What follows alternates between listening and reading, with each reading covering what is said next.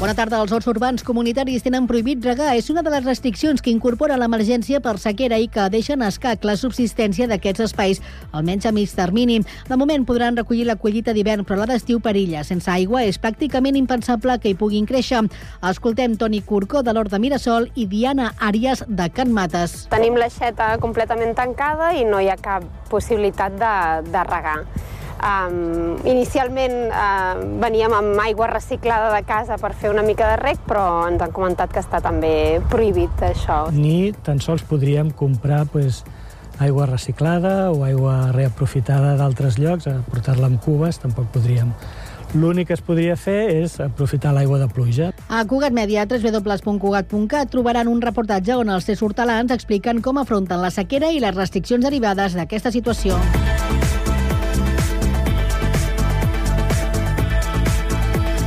És dijous 29 de febrer de 2024 i també és notícia que els ciutadans han requerit als Mossos d'Esquadra de Sant Cugat 7.737 vegades al passat 2023. Es tracta d'un 38,28% més que el 2022, quan es van sol·licitar al cos en 5.595 ocasions. El requeriment més habitual és per la presència d'alguna persona que causa inseguretat, en total amb 1.006 avisos, seguits de furs, el robatori amb força a domicilis i les alarmes per robatori a habitatges, que representen el 6,4%, també el vehicle averiat, amb un 5,5% d'avisos i discussions verbals, un total registre de 401. Grífols va guanyar l'any passat 59 milions d'euros, un 71,5% menys que en l'exercici anterior, segons la informació financera que ha publicat aquest dijous a la Comissió Nacional del Mercat de Valors. La farmacèutica, que en els últims mesos ha patit volatilitat a la borsa per l'atac del fons baixista Gotham City, ja està pendent de la publicació d'un informe de la Comissió Nacional del Mercat de Valors sobre el cas. Defensa que el resultat està impactat per partides extraordinàries, especialment la del cost de reestructuració amb 140 47 milions d'euros. Sense aquests impactes, el benefici seria de 206 milions. I primer cap de setmana de març, on els equips santcuatencs lluitaran per assolir noves victòries. Destaquem la tornada a la competició després de tres mesos d'aturada de l'hoquei herba santcuatenc del júnior. Diumenge l'equip femení rep el Terrassa a les 11 i el masculí s'enfrontarà cap al, amb el Polo a la 1 a l'estadi Lluís Raïma.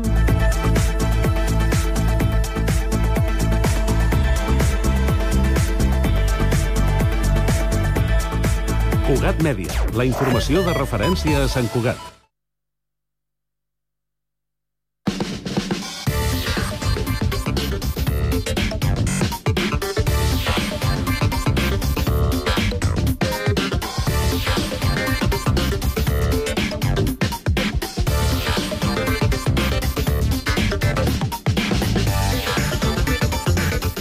De la tarda, 3 minuts, inici de la segona i última hora d'aquest Connectats de dijous. Informació de servei, començarem pel Transmet. Com està funcionant el servei públic a aquesta hora de la tarda, Albert Garran? Doncs avui dijous, seguint la tendència d'ahir, parlem de normalitat a la xarxa de transport públic de l'àrea metropolitana. Els principals operadors de transport no han informat de cap incidència, així que les diferents línies funcionen sense cap alteració destacable, on es mantenen les freqüències i horaris habituals tant dels serveis ferroviaris com de la xarxa de bus. De moment això és tot des del Transmet. I pel que fa al trànsit, quina és la situació a aquesta hora de la tarda? Sílvia de l'Amo. Hola, molt bona tarda. Doncs hem de dir que la situació viària a l'àrea metropolitana presenta problemes de lentitud a la P7, a la zona de Martorell, en sentit a Tarragona, un carril tallat per un accident.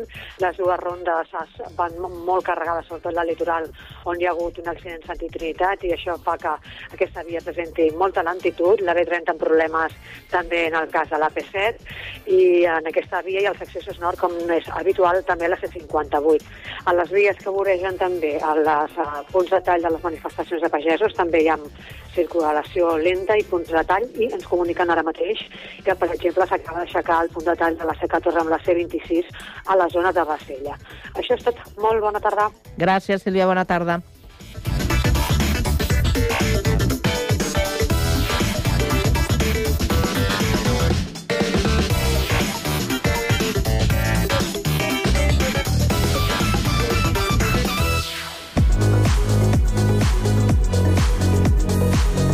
Tarda, de 4 a 6, Connectats. Una experiència radiofònica a Sabadell, Terrassa, Sant Cugat, Castellà, El Prat i Badalona.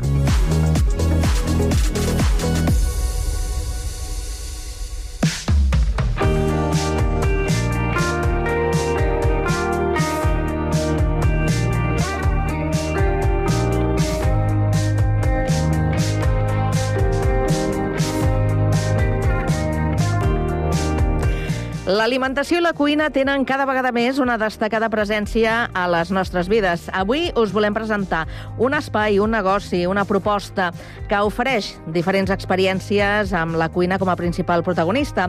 Avui al Connectats eh, entrem de ple a la cuina de, de Playcook, eh, de la mà del Gerard Pinto, que és director executiu i xef.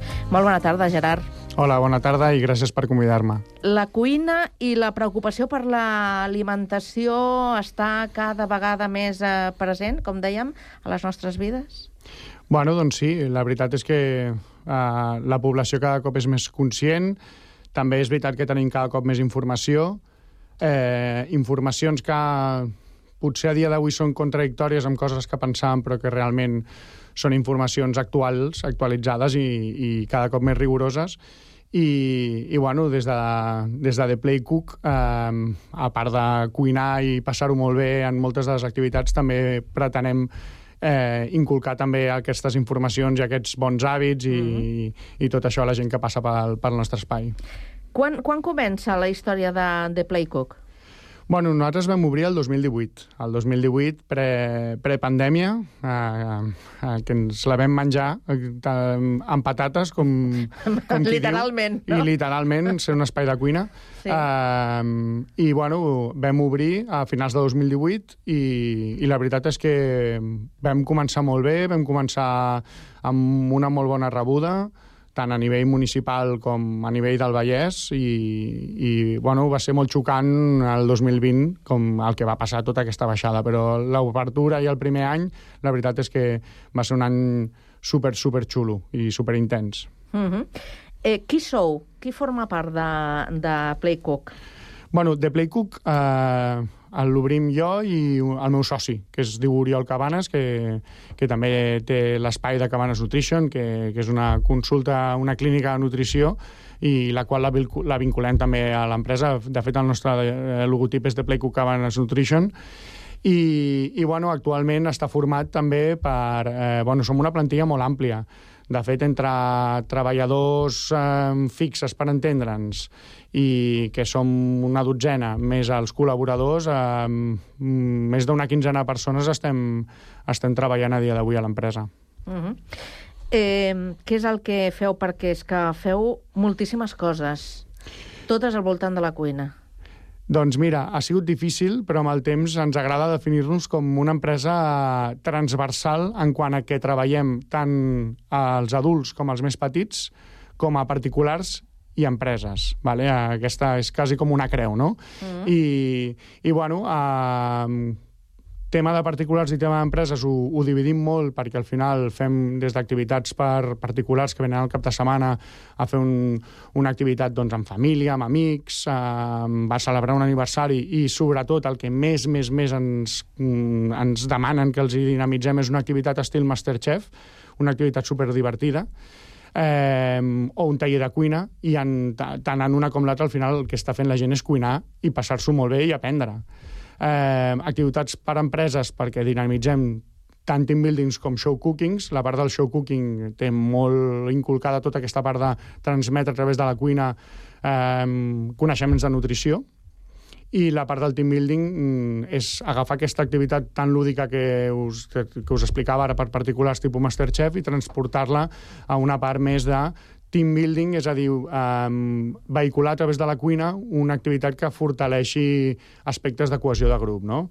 A través de pues, a treballar aspectes de comunicació assertiva, creativitat grupal, tot això a través de, per millorar el treball en equip de les empreses que, que venen a fer aquesta activitat.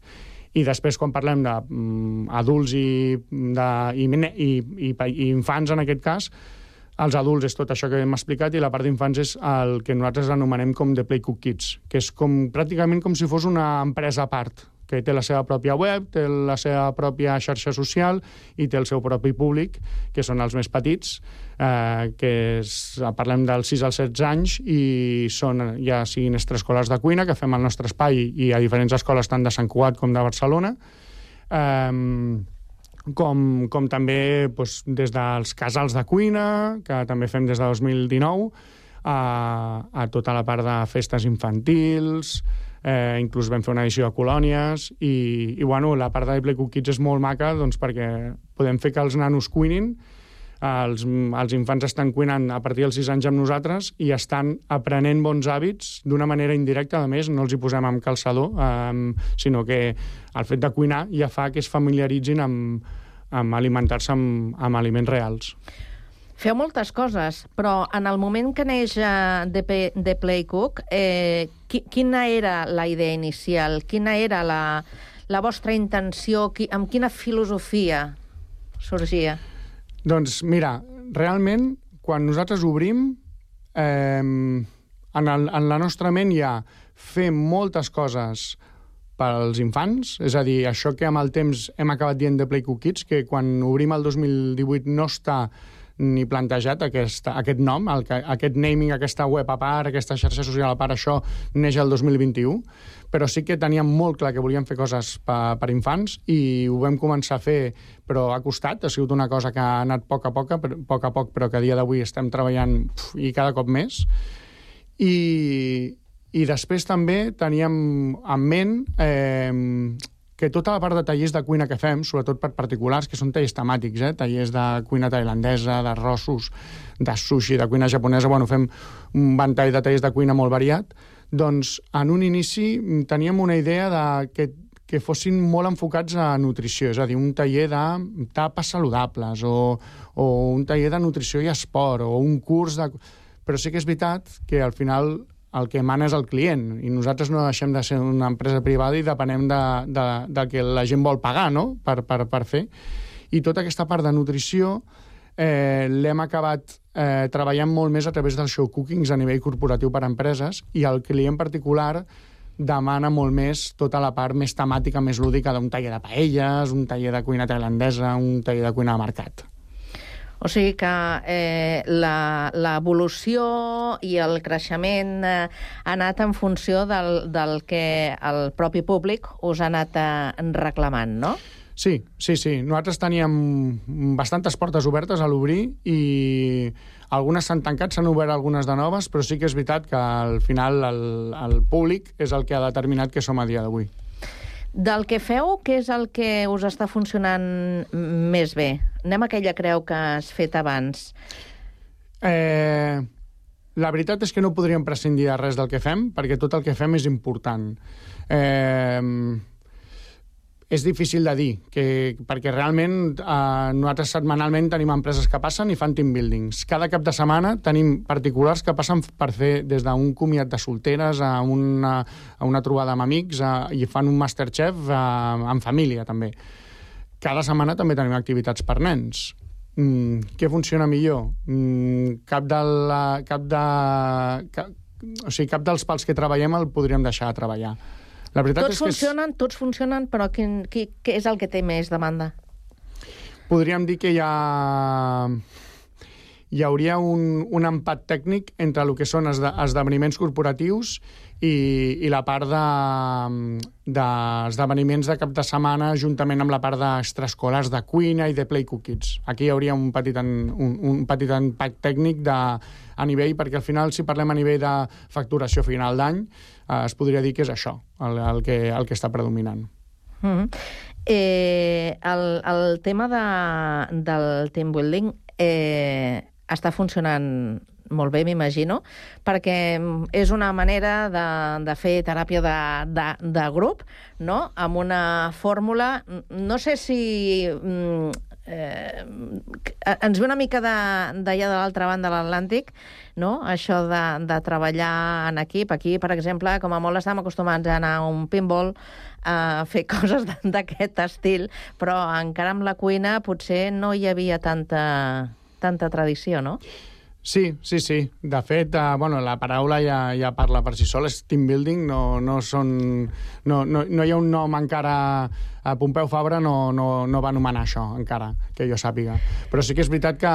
Um, la, la, aquesta activitat, un team building de cuina, uh, The Playcook no, no ha inventat la sopa d'ahir, ja existia prèviament a nosaltres. Mm -hmm. De fet, mm, jo amb el temps m'he enterat que sobretot a Rússia hi ha moltes activitats d'aquest estil i jo no n'era conscient. Com a mínim això m'han dit. Jo no he estat a Rússia, a Moscou fent-ne una, eh? però m'ha arribat per diverses bandes de gent d'allà i, i alguns jocs d'Europa, però mm, mm, no està molt, molt treballat. Aquí s'està començant a treballar i el que hem fet nosaltres és agafar-hi un punt diferencial molt gran. És a dir, sense agafar noms, però si tu agafes la, la competència de Playcook, que hi ha diverses empreses que també fan activitats corporatives... Per, competència de... catalana o de l'Estat? A, nivell, o... a nivell de Catalunya, sí. sí? Uh, si tu agafes la, la competència de Playcook, eh, nosaltres al final que som és diferents. Som diferents, no, no vull entrar en si som millors o pitjors.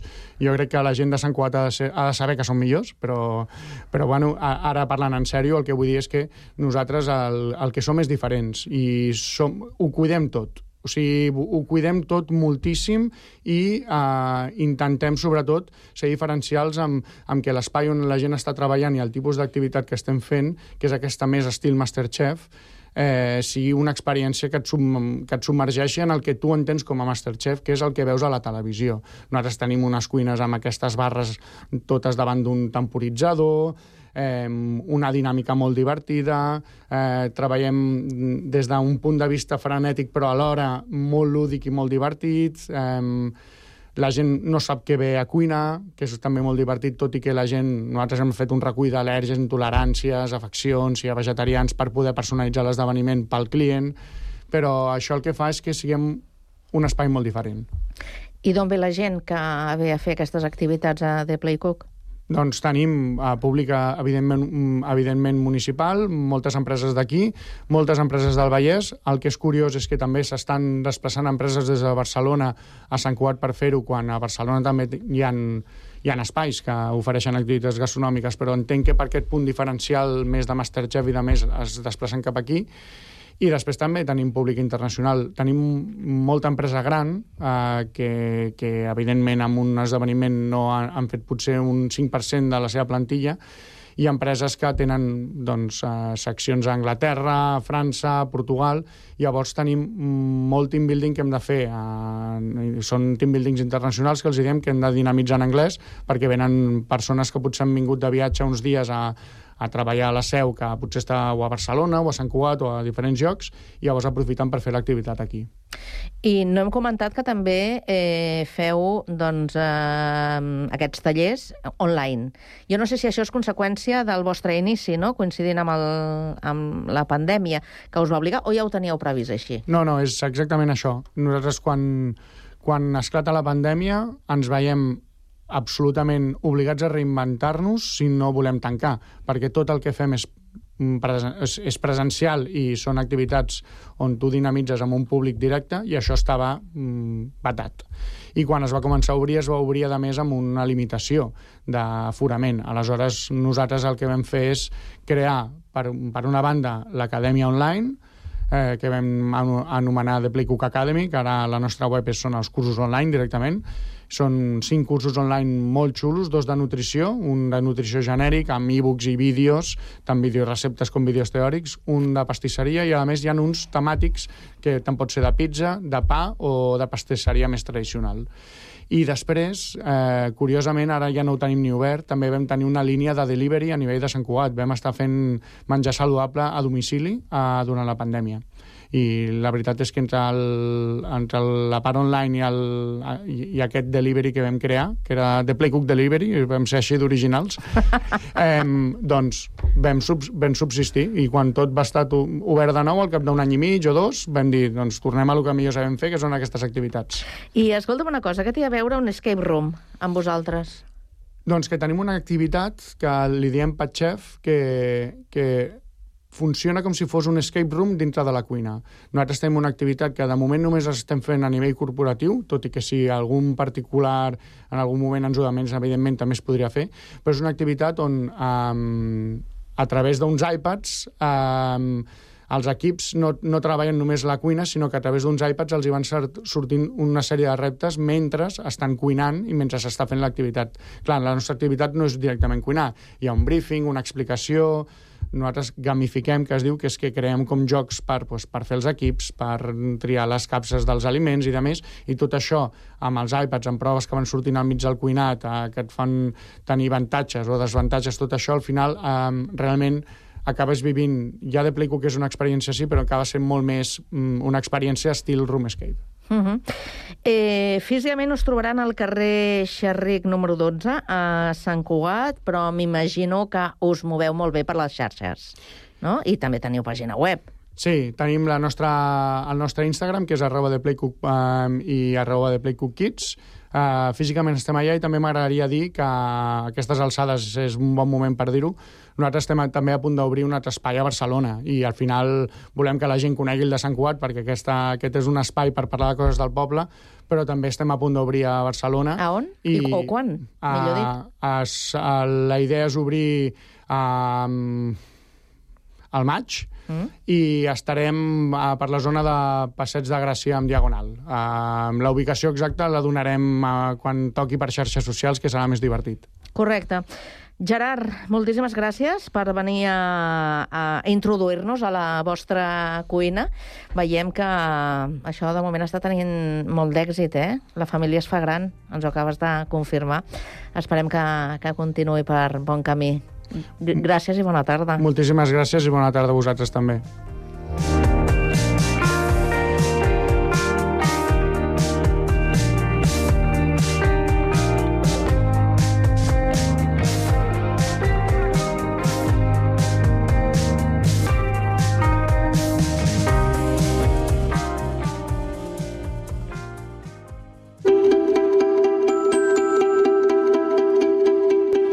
Connecta't al patrimoni.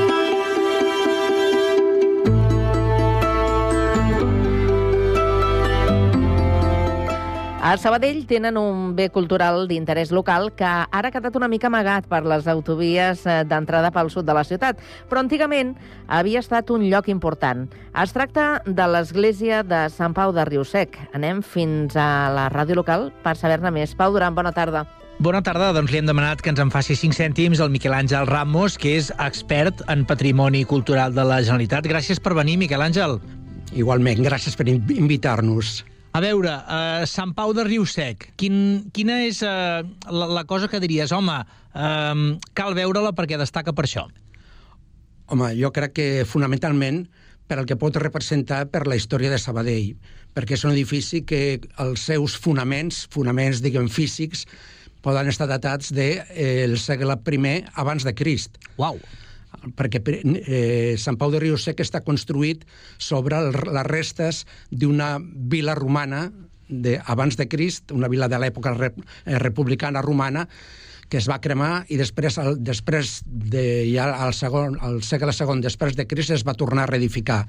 I eh, és possible que ja al segle VI eh, és, aprofitant algunes restes d'aquest edifici, s'edifiqués una primera església paleocristiana. Dic que, per, dic que és possible perquè dins de l'església actual s'ha trobat un banc d'obra eh, en forma d'U, un seients en forma d'U, ah? amb una petita pedra que podria representar una ara, un petit altar. Eh, eh, clar, això mm, bueno, podria ser, però clar, seria un gran, des, un gran que al segle VI tinguéssim ja constància, primer, de que això, de que Sabadell ja n'hi havia un cert enclau urbanístic i després que n'hi havia una primera església paleocristiana. De totes maneres, l'església de Sant Pau de Riusec està ben documentada que es va construir als segles XI i XII, o sigui, en l'època romànica, però aprofitant restes de l'anterior. I lo que, aquest, aquest banc eh, circular al que m'he referit està documentat que està fet sobre un paviment de la casa romana. O sigui que sabem que, que des de començaments dels, dels primers segles, dels, de, abans i després de Crist, ja n'hi havia eh, assentaments a Sabadell. Eh, per tant, el, entenc que l'aparença exterior que veurem si fem una passejeta per allà és la d'una església romànica. És una església romànica. Una església romànica del segle XI-XII ampliada des, dos, segles, dos segles posteriors, eh, s'amplia, bueno, s'allarga la nau de l'església, es canvien les portes, la, la torre primer s'edifica, després s'aixeca, i després, eh, a finals del segle XVIII, eh, eh, bueno, 18, sí, es construeix sí, el, el 18, el 18, es construeix l'actual eh, rectoria, diguem, un edifici dedicat als usos parroquials i a residència del rector que és d'un estil completament diferent, no? El, en el que és el, el conjunt, ens has parlat d'aquestes últimes construccions, també. Eh, què diries que és el rellevant del que es conserva? A veure, eh, l'edifici de l'església i la torre és molt interessant, però també és molt important tenir en compte tot l'entorn de l'església, perquè l'entorn de l'església, com era històricament, aquestes esglésies tenien els privilegis de, de, de tenir com, un, eh, com un, un espai sagrat que no podia ser atacat i tal, i, i, i es feien molts enterraments de nobles i altres famílies, o bé de, del, de, i hi ha can, moltes, s'han descobert quantitat d'enterraments. A veure, Sant Pau de Riusec es va començar a excavar a finals del, del segle XX, diguem, cap, o sigui, cap als anys 90 del segle XX, eh, i mm, es van trobar moltes eh, bueno, cossos, eh, mol, molts enterraments.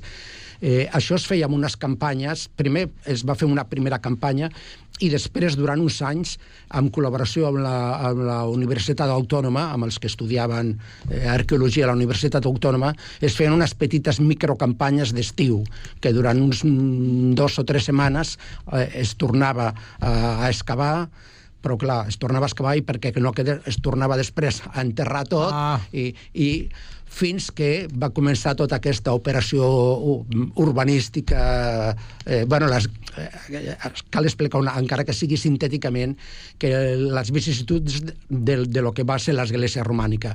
L'església romànica en un moment determinat eh, va quedar el que era la parròquia, perquè era la parròquia d'un terme, d'un terme rural, que era Sant Pau de Riusec, que a propòsit Sant, Sant Pau de, el Sant Pau, com, com a mm, nom d'un terme, eh, es continua perquè a Beaterra hi ha una, una urbanització de l'Autònoma que es diu Sant Pau de Riusec perquè és la ladera del, del petit turó que dona a, a aquesta església. No? D'acord. Bé, doncs eh, aquestes campanyes eh, van quedar interrompudes per, per la, la implantació de tot aquest conjunt eh, empresarial, comercial, que és l'entrada nord de Sabadell. No? i aleshores eh, es va arribar, bueno, va arribar un acord amb tots els interessos, ja te pots imaginar, comercials, de reservar el que és l'església i un recinte mínim, però almenys un cert recinte que ara està ballat per una tanca metàl·lica que no es pot accedir, on eh, s'ha de continuar excavant per, per continuar documentant eh, enterraments i bueno, documentant la història. En quin estat trobes que està ara mateix? A veure, l'església, el que és l'edifici de l'església, ara l'església romànica està ben restaurada. L'Ajuntament de Sabadell ho va, o la va restaurar tant exterior com interiorment.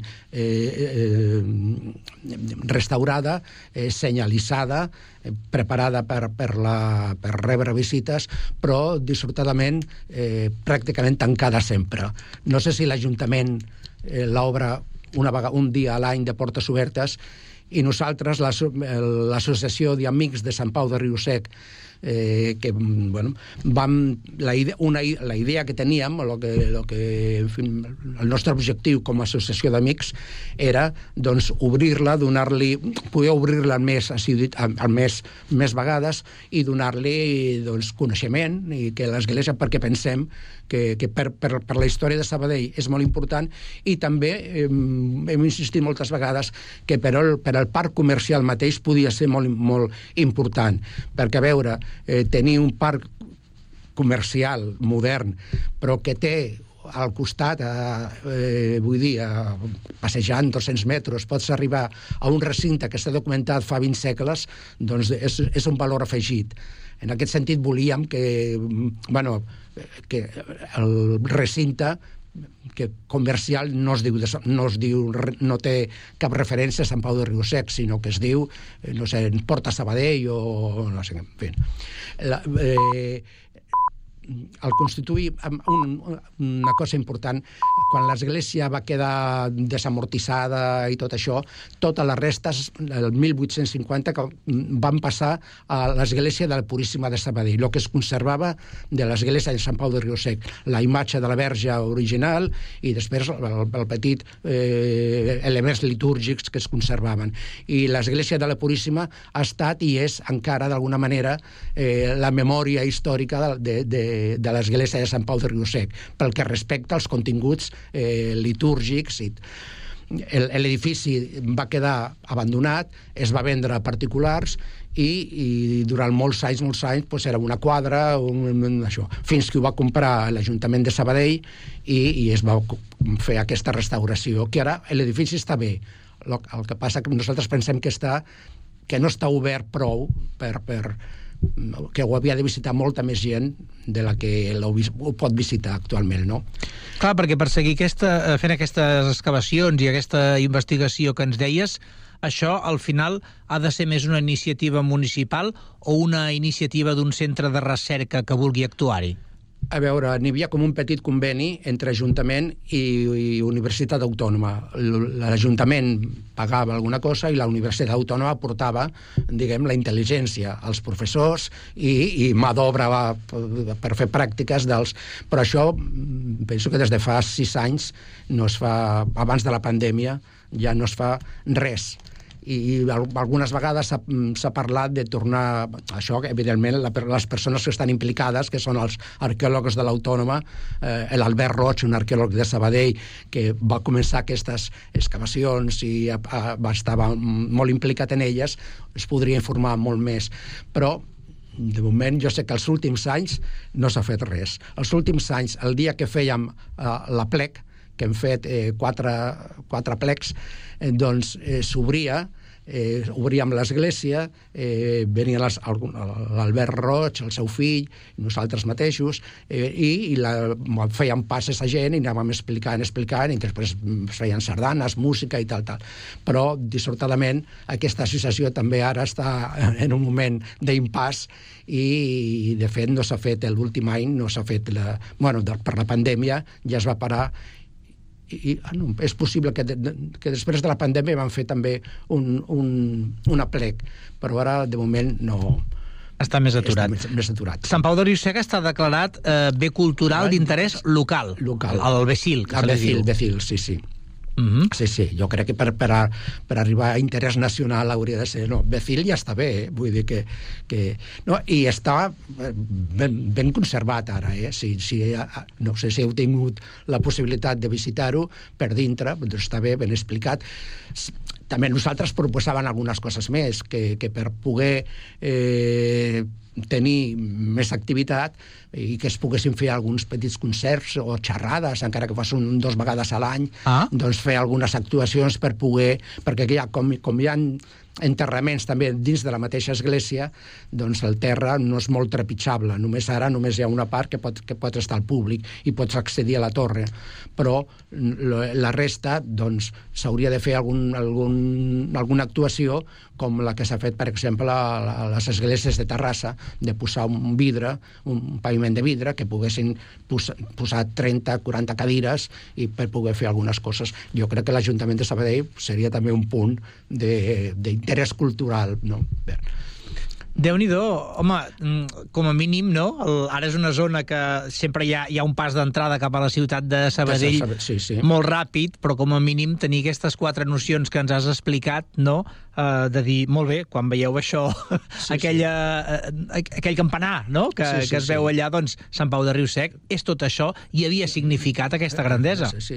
I pensem que per, la, que per el parc comercial aquest passen milers i milers de persones cada setmana. O sigui, si aquestes persones des dels diferents, les entrades dels edificis, se digués, havíem proposat que, que tots els edificis de Sant Pau de Riussers tinguessin un petit logotip que fes referència als orígens del, del, del lloc, no? Però eh, quan es va fer tot aquest, aquest eh, centre comercial ja es va reservar una part ajardinada, bé, que està més o menys ajardinada, i dintre d'aquesta part ajardinada un nucli, que és aquest, el nucli, diguem, eh, el nucli central de lo que seria eh, patrimoni tant per el que és l'església romànica com els enterraments, tot que, que encara es pot... Bueno, els enterraments i restes de les cases romanes que estan documentades, eh? Que encara es pot bueno, veure. I tenim al costat una altra, una altra eh, la masia de Can Borrell, que és una runa que està tocant, tocant, també està, està declarada penso bacil i en un estat de runa total s'hauria de buscar, evidentment, tot suposa molts diners, però s'hauria de buscar unes utilitats, perquè els edificis, si s'utilitzen, si es mantenen, i si no s'utilitzen, no es mantenen. La mateixa església de Sant, Sant Pau de Riusec té aquesta rectoria eh, al costat, que és un edifici que s'ha utilitzat com a habitatges, com tal, que en un, en un moment fa uns 15 anys potser n'hi havia també una, un... L'Ajuntament ho havia cedit a una, una associació que, que eren restauradors de llibres antics, i, però ara ha estat la, o sigui, hi ha espai per fer... Nosaltres pensàvem en aquest edifici de la rectoria fer com una petita aula on passessin les escoles, perquè les escoles sí que podien, una vegada a l'any, visitar Sant Pau de Riusec, que l'expliquessin els orígens de Sabadell, i tenir també una aula, fer projeccions, fer, en fi. Miquel Àngel Ramos, gràcies per venir a explicar-ho al Connectats. Molt bé, doncs eh, ja ho sabeu, quan visiteu Sant Pau de Riusec. Com veieu, d'idees per fer-hi coses no en falten.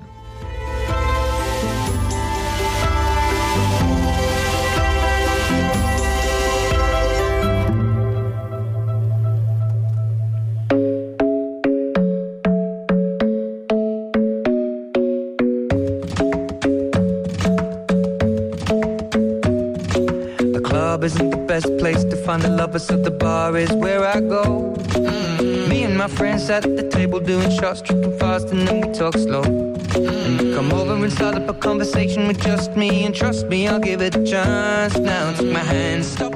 Tal dia com avui de l'any 1991 va néixer el cantant i compositor anglès Ed Sheeran al comtat de Halifax. És un dels artistes més venuts a tot el món amb més de 150 milions de còpies. Ha escrit també per bandes com One Direction.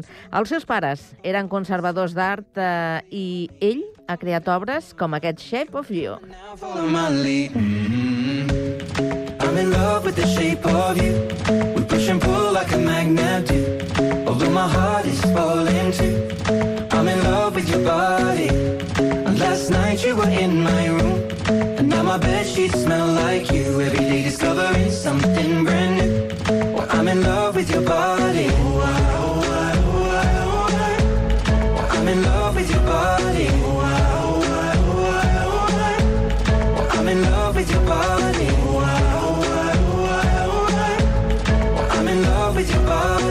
Every day discovering something brand new.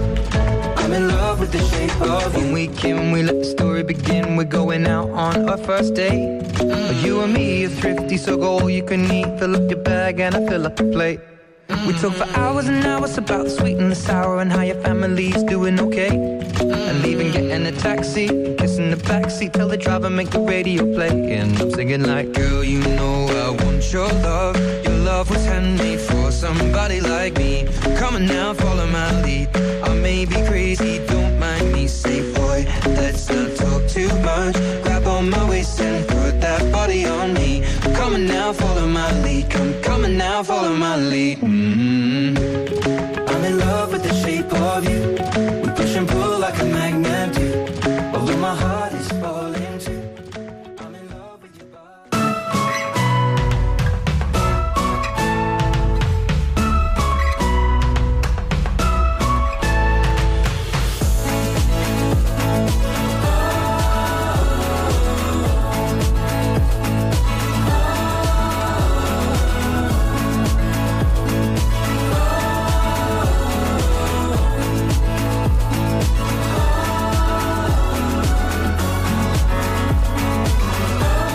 Gerard Portolès i Clàudia Avellan són dos dels actors membres fundadors de La Tremenda, una jove companyia que ha nascut del grup de classe de l'Institut del Teatre.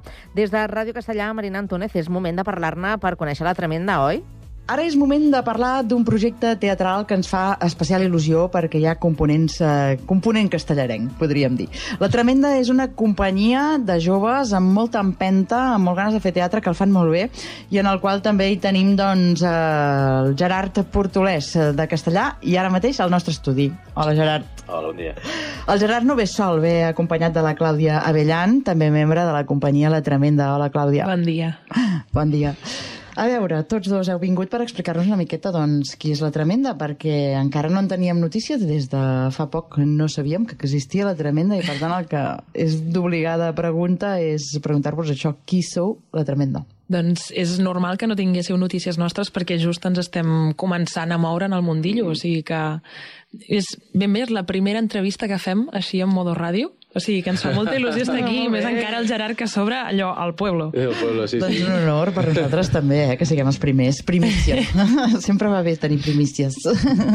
doncs expliqueu-nos una miqueta això. Qui sou, la Tremenda? Doncs bé, la Tremenda és una companyia... És, és molt joveneta, vull dir que surt arrel del, del grup de classe de l'Institut del Teatre, vull dir que tant la Clàudia com jo, com la resta de components, som, som de l'Institut del Teatre, de la mateixa promoció, de teatre musical, i arrel de bé, la bona connexió, el bon treball, l'estima i l'amor que hem tingut durant aquests 4, 4 anys, doncs uh, vam dir, escolta, per què no fem una companyia, no? Per què no a partir d'aquí doncs, comencem a treballar dur i comencem a, doncs, a fer projectes i a tirar endavant dins un món tan complicat com és el, el món del teatre i sobretot a Barcelona, que hi ha tanta, tanta demanda, hi ha tant, tant moviment, no? Uh -huh. I vam dir, res és impossible, anem a fer-ho, uh, sabem que treballem bé, que ens estimem i que, i que ho fem tot amb molt d'amor. I, i a partir d'aquí pues, vam començar a fer les gestions pertinents per poder formalitzar la tremenda de manera oficial, és a dir, que tot està en regla, que això sí. és una cosa important. Portàvem des del 2021, o sigui que movent algun espectacle que havia sortit arrel d'algun taller de l'institut, però aquest any ja ha sigut com de dir, va, hem acabat l'institut, encara alguns estem acabant de fer doncs, que si treballs de finals de grau o acabant assignatures o el que sigui, però vam creure pertinent això, per poder-ho fer tot bé, de, de legalitzar-ho tot, de constituir-nos i a partir d'aquí tirar endavant. Molt bé. I seguint aquesta línia del teatre musical, Sí, sí, sí. sí. Evidentment que, que també intentem ser una companyia bastant com polivalent, no? Vull dir que mm, no ens tanquem mai portes a res, però la branca principal és el teatre musical. Molt bé. Qui forma ara mateix la Tremenda?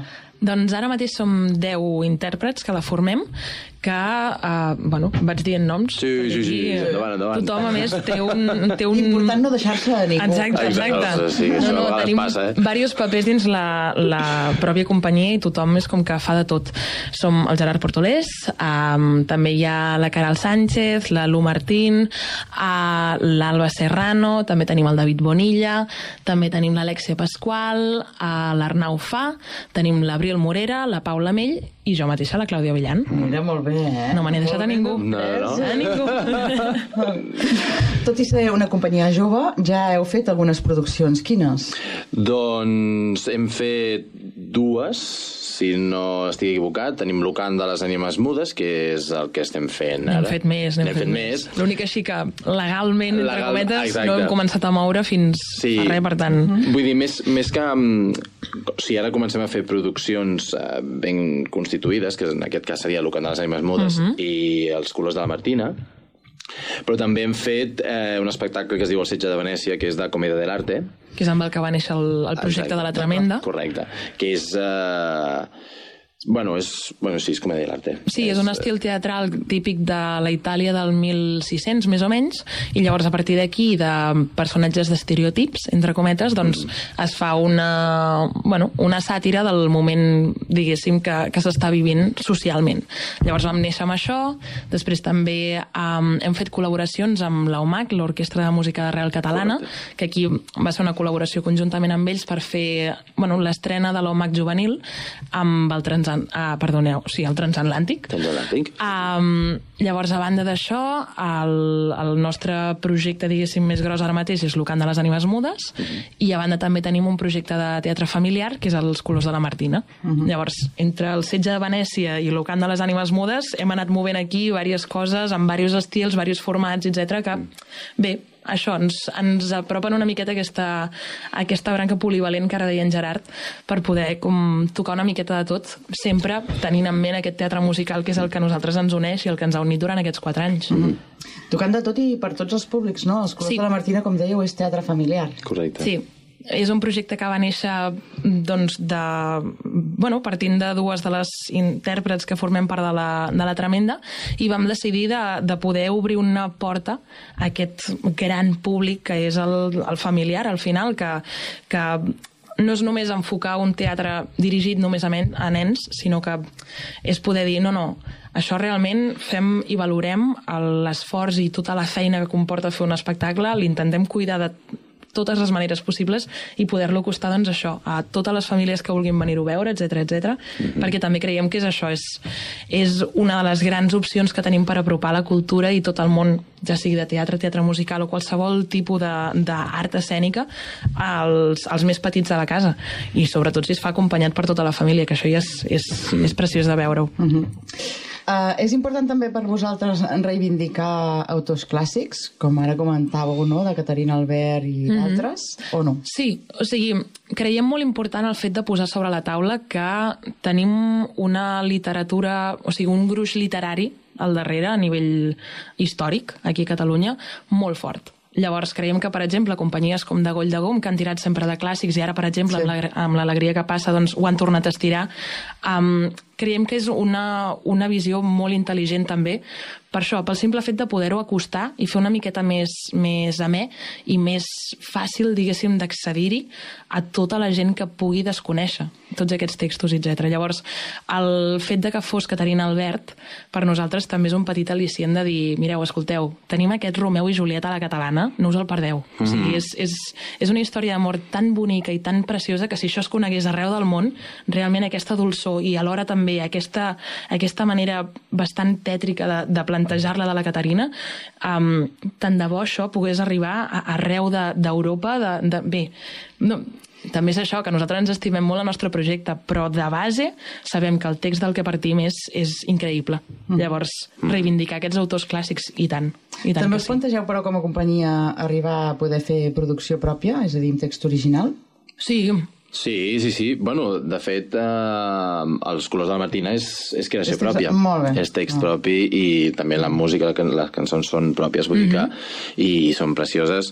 Uh, bueno, ja, parlem bé dels nostres projectes, però és que realment, vull dir, és, és, està molt cuidat i, i sí, i estem engegant um, petits projectes arrels dels treballs de fi de grau de l'Institut del Teatre, el qual nosaltres com a companyia hem decidit que com tots hem d'acabar fent el, el, els, els treballs de fi de grau, doncs utilitzar aquests projectes per ficar-los dins la companyia. És a dir, per agafar que la Tremenda tingui molts projectes pel qual pugui vendre a, a tot i plen, bàsicament, no? I tots això, o sigui, tots aquests treballs de fi de grau són la majorità, majoritàriament a partir de textos ja creats per nosaltres. Malgrat que es pugui barrejar potser amb altres textos, però normalment són de creació pròpia. Ens interessa I a bastant. nivell de formació, vosaltres creieu que ara havent acabat el- l'Institut del Teatre, bé, alguns encara fent el treball de fi de grau, uh, ja, ja és suficient i després No. ja cal despegar... No, mare de Déu. No, no, clar, no, aquí, aquí bueno... i- Claríssimament no, eh? clar, No, I a més això crec que és una visió molt global de la companyia. Eh. Que tenim clar que no, no podem parar d'aprendre. Mhm. També eh, que ara mateix encara ens falten moltes eines, perquè sí que és veritat que a l'institut et donen nocions d'interpretació, nocions de no sé què, nocions de producció, Mm. però clar, de cop i volta quan t'hi trobes reps una de bufetades per tot arreu també, que no te les aguantes. Hi ha una, hi ha una cosa que, que no t'ho ensenyen enlloc i és la, la realitat de la, de la vida, no? És a dir, quan tu entres a treballar, l'experiència et dona un coneixement que no t'ho dona a cap escola ni cap universitat. Llavors, com tot sempre, seguim aprenent cada dia de tot i de, i de tothom. Així com que ah, també a l'Institut del Teatre ah, és molt material, molts coneixements, hi ha coses que no s'acaben d'aprofunditzar del tot Mhm. perquè, O perquè no es pot, o assimilar, i llavors hi ha coses pues, que has de buscar pues, cursos fora, o sobretot en el tema de la dansa, per exemple, sí que és veritat que es fa dansa a l'Institut del Teatre, però ah, sempre has de fer més fora, com claqué i coses així, perquè a l'Institut del Teatre no es fa, per exemple, i és una cosa que tu t'has de seguir formant i, i sense parar. I tu veus gent professional que estan a Broadway, a West End, o, estan a, o, o a Madrid, o aquí a Barcelona, que malgrat ja estan dins del món professional i estan curtits, segueixen fent classes, segueixen sense parar i, i aprenent i aprenent i mantenint-se. Llavors és, eh, és, un, és un camí que no s'acaba mai. Parlem de coses concretes, Clàudia, Gerard. Um, vosaltres com us organitzeu? Teniu ja el local d'assaig? Te- Penseu tenir un teatre?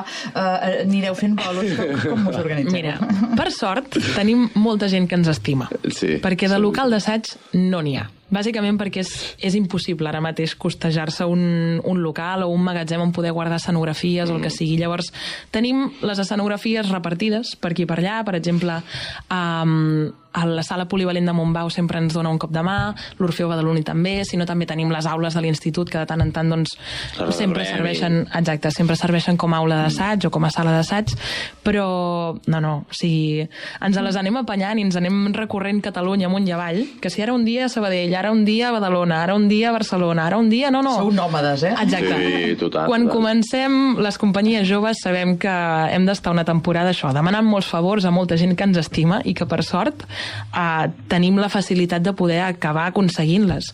O sigui, Sí, sí. aconseguint les coses aquestes que demanem. I, i ha de, ha de, això de demanar favors eh, també que quedi constància que estem superagraïts perquè vam fer fins fa poc un barcami Mhm. per poder recaptar diners i, la, i bueno, hem guanyat més del que, del que ens proposàvem i això hem d'agrair-ho un muntó a, a, a la gent que, que ens està recolzant i que i que es- està estimant la companyia tal i com l'estimem nosaltres, i no només la companyia, sinó que entén i comprèn la duresa d'aquesta professió i del fet de lo difícil que és començar des de zero sense un duro. Llavors, eh, hem d'agrair que tenim molta gent que ens estima i que, i que ens recolza. Llavors, ja està. Eh, només volia, Sí, volia no, fer aquest parèntesi perquè dic és que és molt importantíssim important. això, veure que no només els teus pares porten, o sigui, aporten Exacte. diners o aportacions o qualsevol cosa, és preciós. És... és a dir, val, hi ha gent que confia en nosaltres, hi ha gent que confia en el projecte que estem plantejant sobre la taula Mm. i que això també ens dona moltíssim Ràdio esforç. També s'estuma, eh, Clar, clar, clar. Doncs Home, moltíssim. també és, és aquesta mena d'estima que també valorem mol- moltíssim. Per Sí, tant, sí, sí. és una cosa que molt ben fet de voler-ho puntualitzar. aquí Sempre, a la sempre. O sigui, perquè al final moltes vegades les companyies per si soles arriba a un punt al millor que s'autofinancien, però des de sempre al principi eh, han d'estar s'aj- s'ajuden per altres persones. Sí. I són persones totalment altruistes que, que entenen, comprenen i estimen la professió que fem nosaltres i estimen la feina que fem. Llavors, donen el seu patrimoni perquè nosaltres puguem fer la nostra feina i clar, evidentment això s'ha d'agrair i s'ha d'estimar i ho agrairem sempre tota la vida. I a nivell de programació, quan Mhm. i on us podem veure? Pues comencem per Dau al Sec, Exacte. ah, del 29 de febrer al 10 de març, de dijous a diumenge, de dijous a dissabte a les 8 del vespre Sí. i el diumenge a les 7. Exacte. I Després- després, al maig, tenim Exacte. ara mateix confirmats dos bolos a Tarragona, a la Sala Trono, el 25 i 26 de maig. Mhm. Els horaris ara sí que no te'ls sabria dir, però... Eh, però serà el, el, el vespre, Sí, no? sí, serà el Suposo vespre, mateixa tarda vespre. Sí. Però és això, que ara mateix tenim confirmats aquests i a més també, per sort, seguim en contactes amb altres ajuntaments, sales o fins i tot sales també de Barcelona, Mhm. amb qui properament esperem doncs, poder confirmar moltes altres dates Mhm. perquè la gent ens pugui venir a veure. Tot això compaginat amb altres feines que deveu fer, no? Oh, i tant. Correcte, sí, sí. Com a la majoria d'actors i actrius, desgraciadament, no? La major part de la companyia bueno, eh, anem combinant el fet d'estar fent la producció de tot el que comporta estar movent una companyia i també de vendre els espectacles, de poder-los anar a fer, etc etc, Mhm. amb feines de docència relacionades amb el teatre o amb la dansa o amb el cant, amb feines eh, alternatives que ens van sortint. Hostaleria. Exacte, hostaleria, que és la gran opció sempre i la bona, que sempre Sí, t'acaba sí. sortint. Um, bé, i tothom a la companyia no, no para quiet. Llavors, uh, clar, és això, anem posant-ho anem posant així com en una balança i anem intentant fer malabars, Sí, però sí, també sí. és una de les coses bones de ser una companyia de 10 persones, que és que podem anar repartint tasques, de dir, Mm. val, mireu, jo fins aquí no arribo avui, ho pot fer algú altre? Sí, sí. I a partir d'aquí ens anem organitzant així. Correcte. Molt bé. On us podem trobar? Ens podem trobar? Vull dir, no, no cal que us trobi físicament, però si algú vol saber més de la tremenda, la- vosaltres heu Oh, creat tant. alguna pàgina web, La us podem seguir a les xarxes sí, socials... Sí, sí. Uh, ens podeu seguir a les xarxes socials, per exemple, a Instagram, a la Tremenda Cia. Um, també ens podeu trobar a la pàgina web de la tremendacompanyia.cat, si no m'equivoco. Sí. Um, I això, ara mateix tenim allà doncs, totes les nostres informacions i tot el material que es pugui necessitar per xafardejar, també les nostres agendes. I el contacte perquè us I el contractin, con- no? home, per suposat. Home, oh, tant. No ho posem res aquí. Això. És això, coses de la primera entrevista, que encara no, Sí, no sí, controlem sí. això. Allò qui ens vulgui veure... Exacte. Sí, sí, sí. entri. Que És, és important, sí, sí. No? I a més, eh, hi ha, hi ha una... Gràcies a Alba Serrano, que sí. la web és, és una passada, vull dir, és, mm, és molt maca i està molt ben feta i és el que diem, que hi ha una, una feina molt gran de moltíssimes hores i no remunerades, evidentment. Hi ha una part que la, que, que la companyia intenta compensar, però que evidentment no és ni de bon grat el que hauria de ser i és, hi ha una feina molt, molt maca darrere, vull dir que la, la, web, la web quan la busqueu us agradarà perquè és molt maca i a més està tot molt ben explicat. Sí. Molt bé. doncs ens quedem amb la tremenda. Uh, Gerard Portolès i Clàudia Avellan, moltes gràcies per haver vingut a Ràdio Castellà a explicar-nos aquesta gran experiència que segur que creixerà. A vosaltres, Caram, moltes gràcies. gràcies a vosaltres. I res, ja només ens queda desitjar veure-us a dalt de l'escenari, que seria com el lloc ideal on veure-us. Seria tant, genial, seria increïble. perfecte. Ens veiem allà llavors. Molt bé, una abraçada. Una abraçada, gràcies.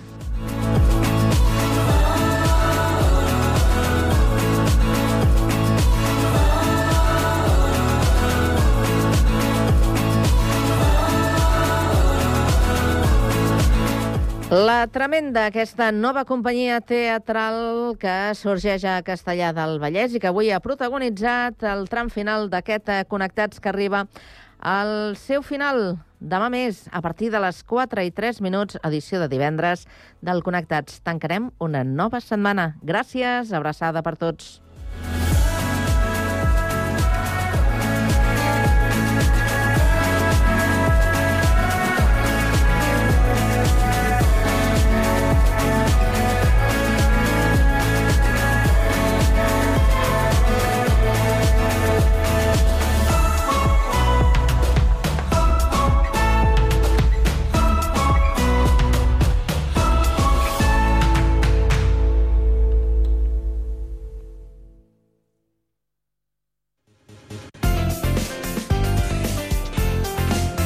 Ràdio Sant Cugat. Cugat Mèdia. La banda sonora de la teva vida. Jukebox de nit.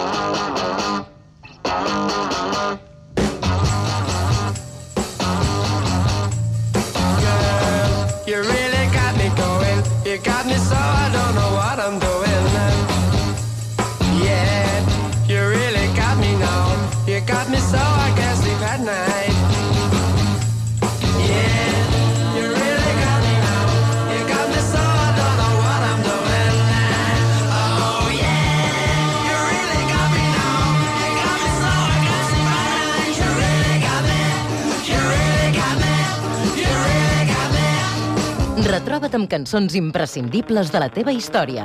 Jukebox de nit.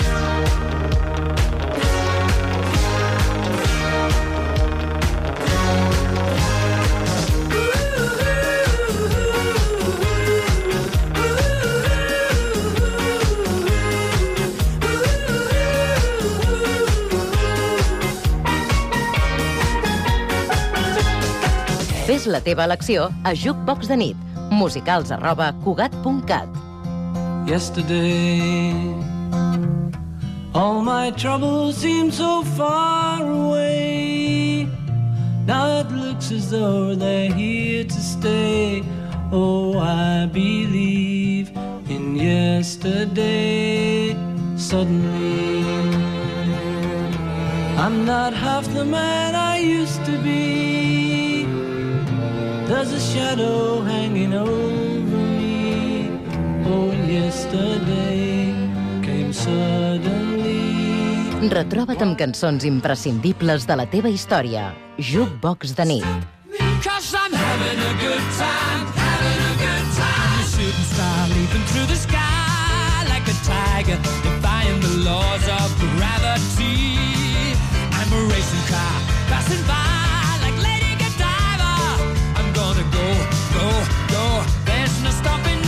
La banda sonora de la teva vida. Jukebox de nit.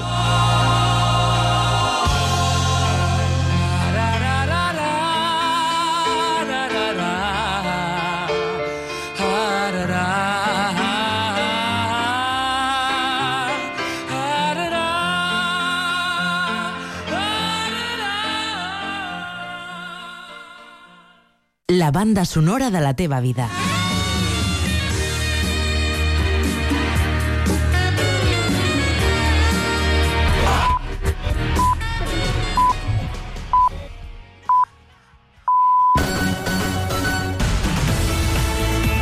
Ràdio Sant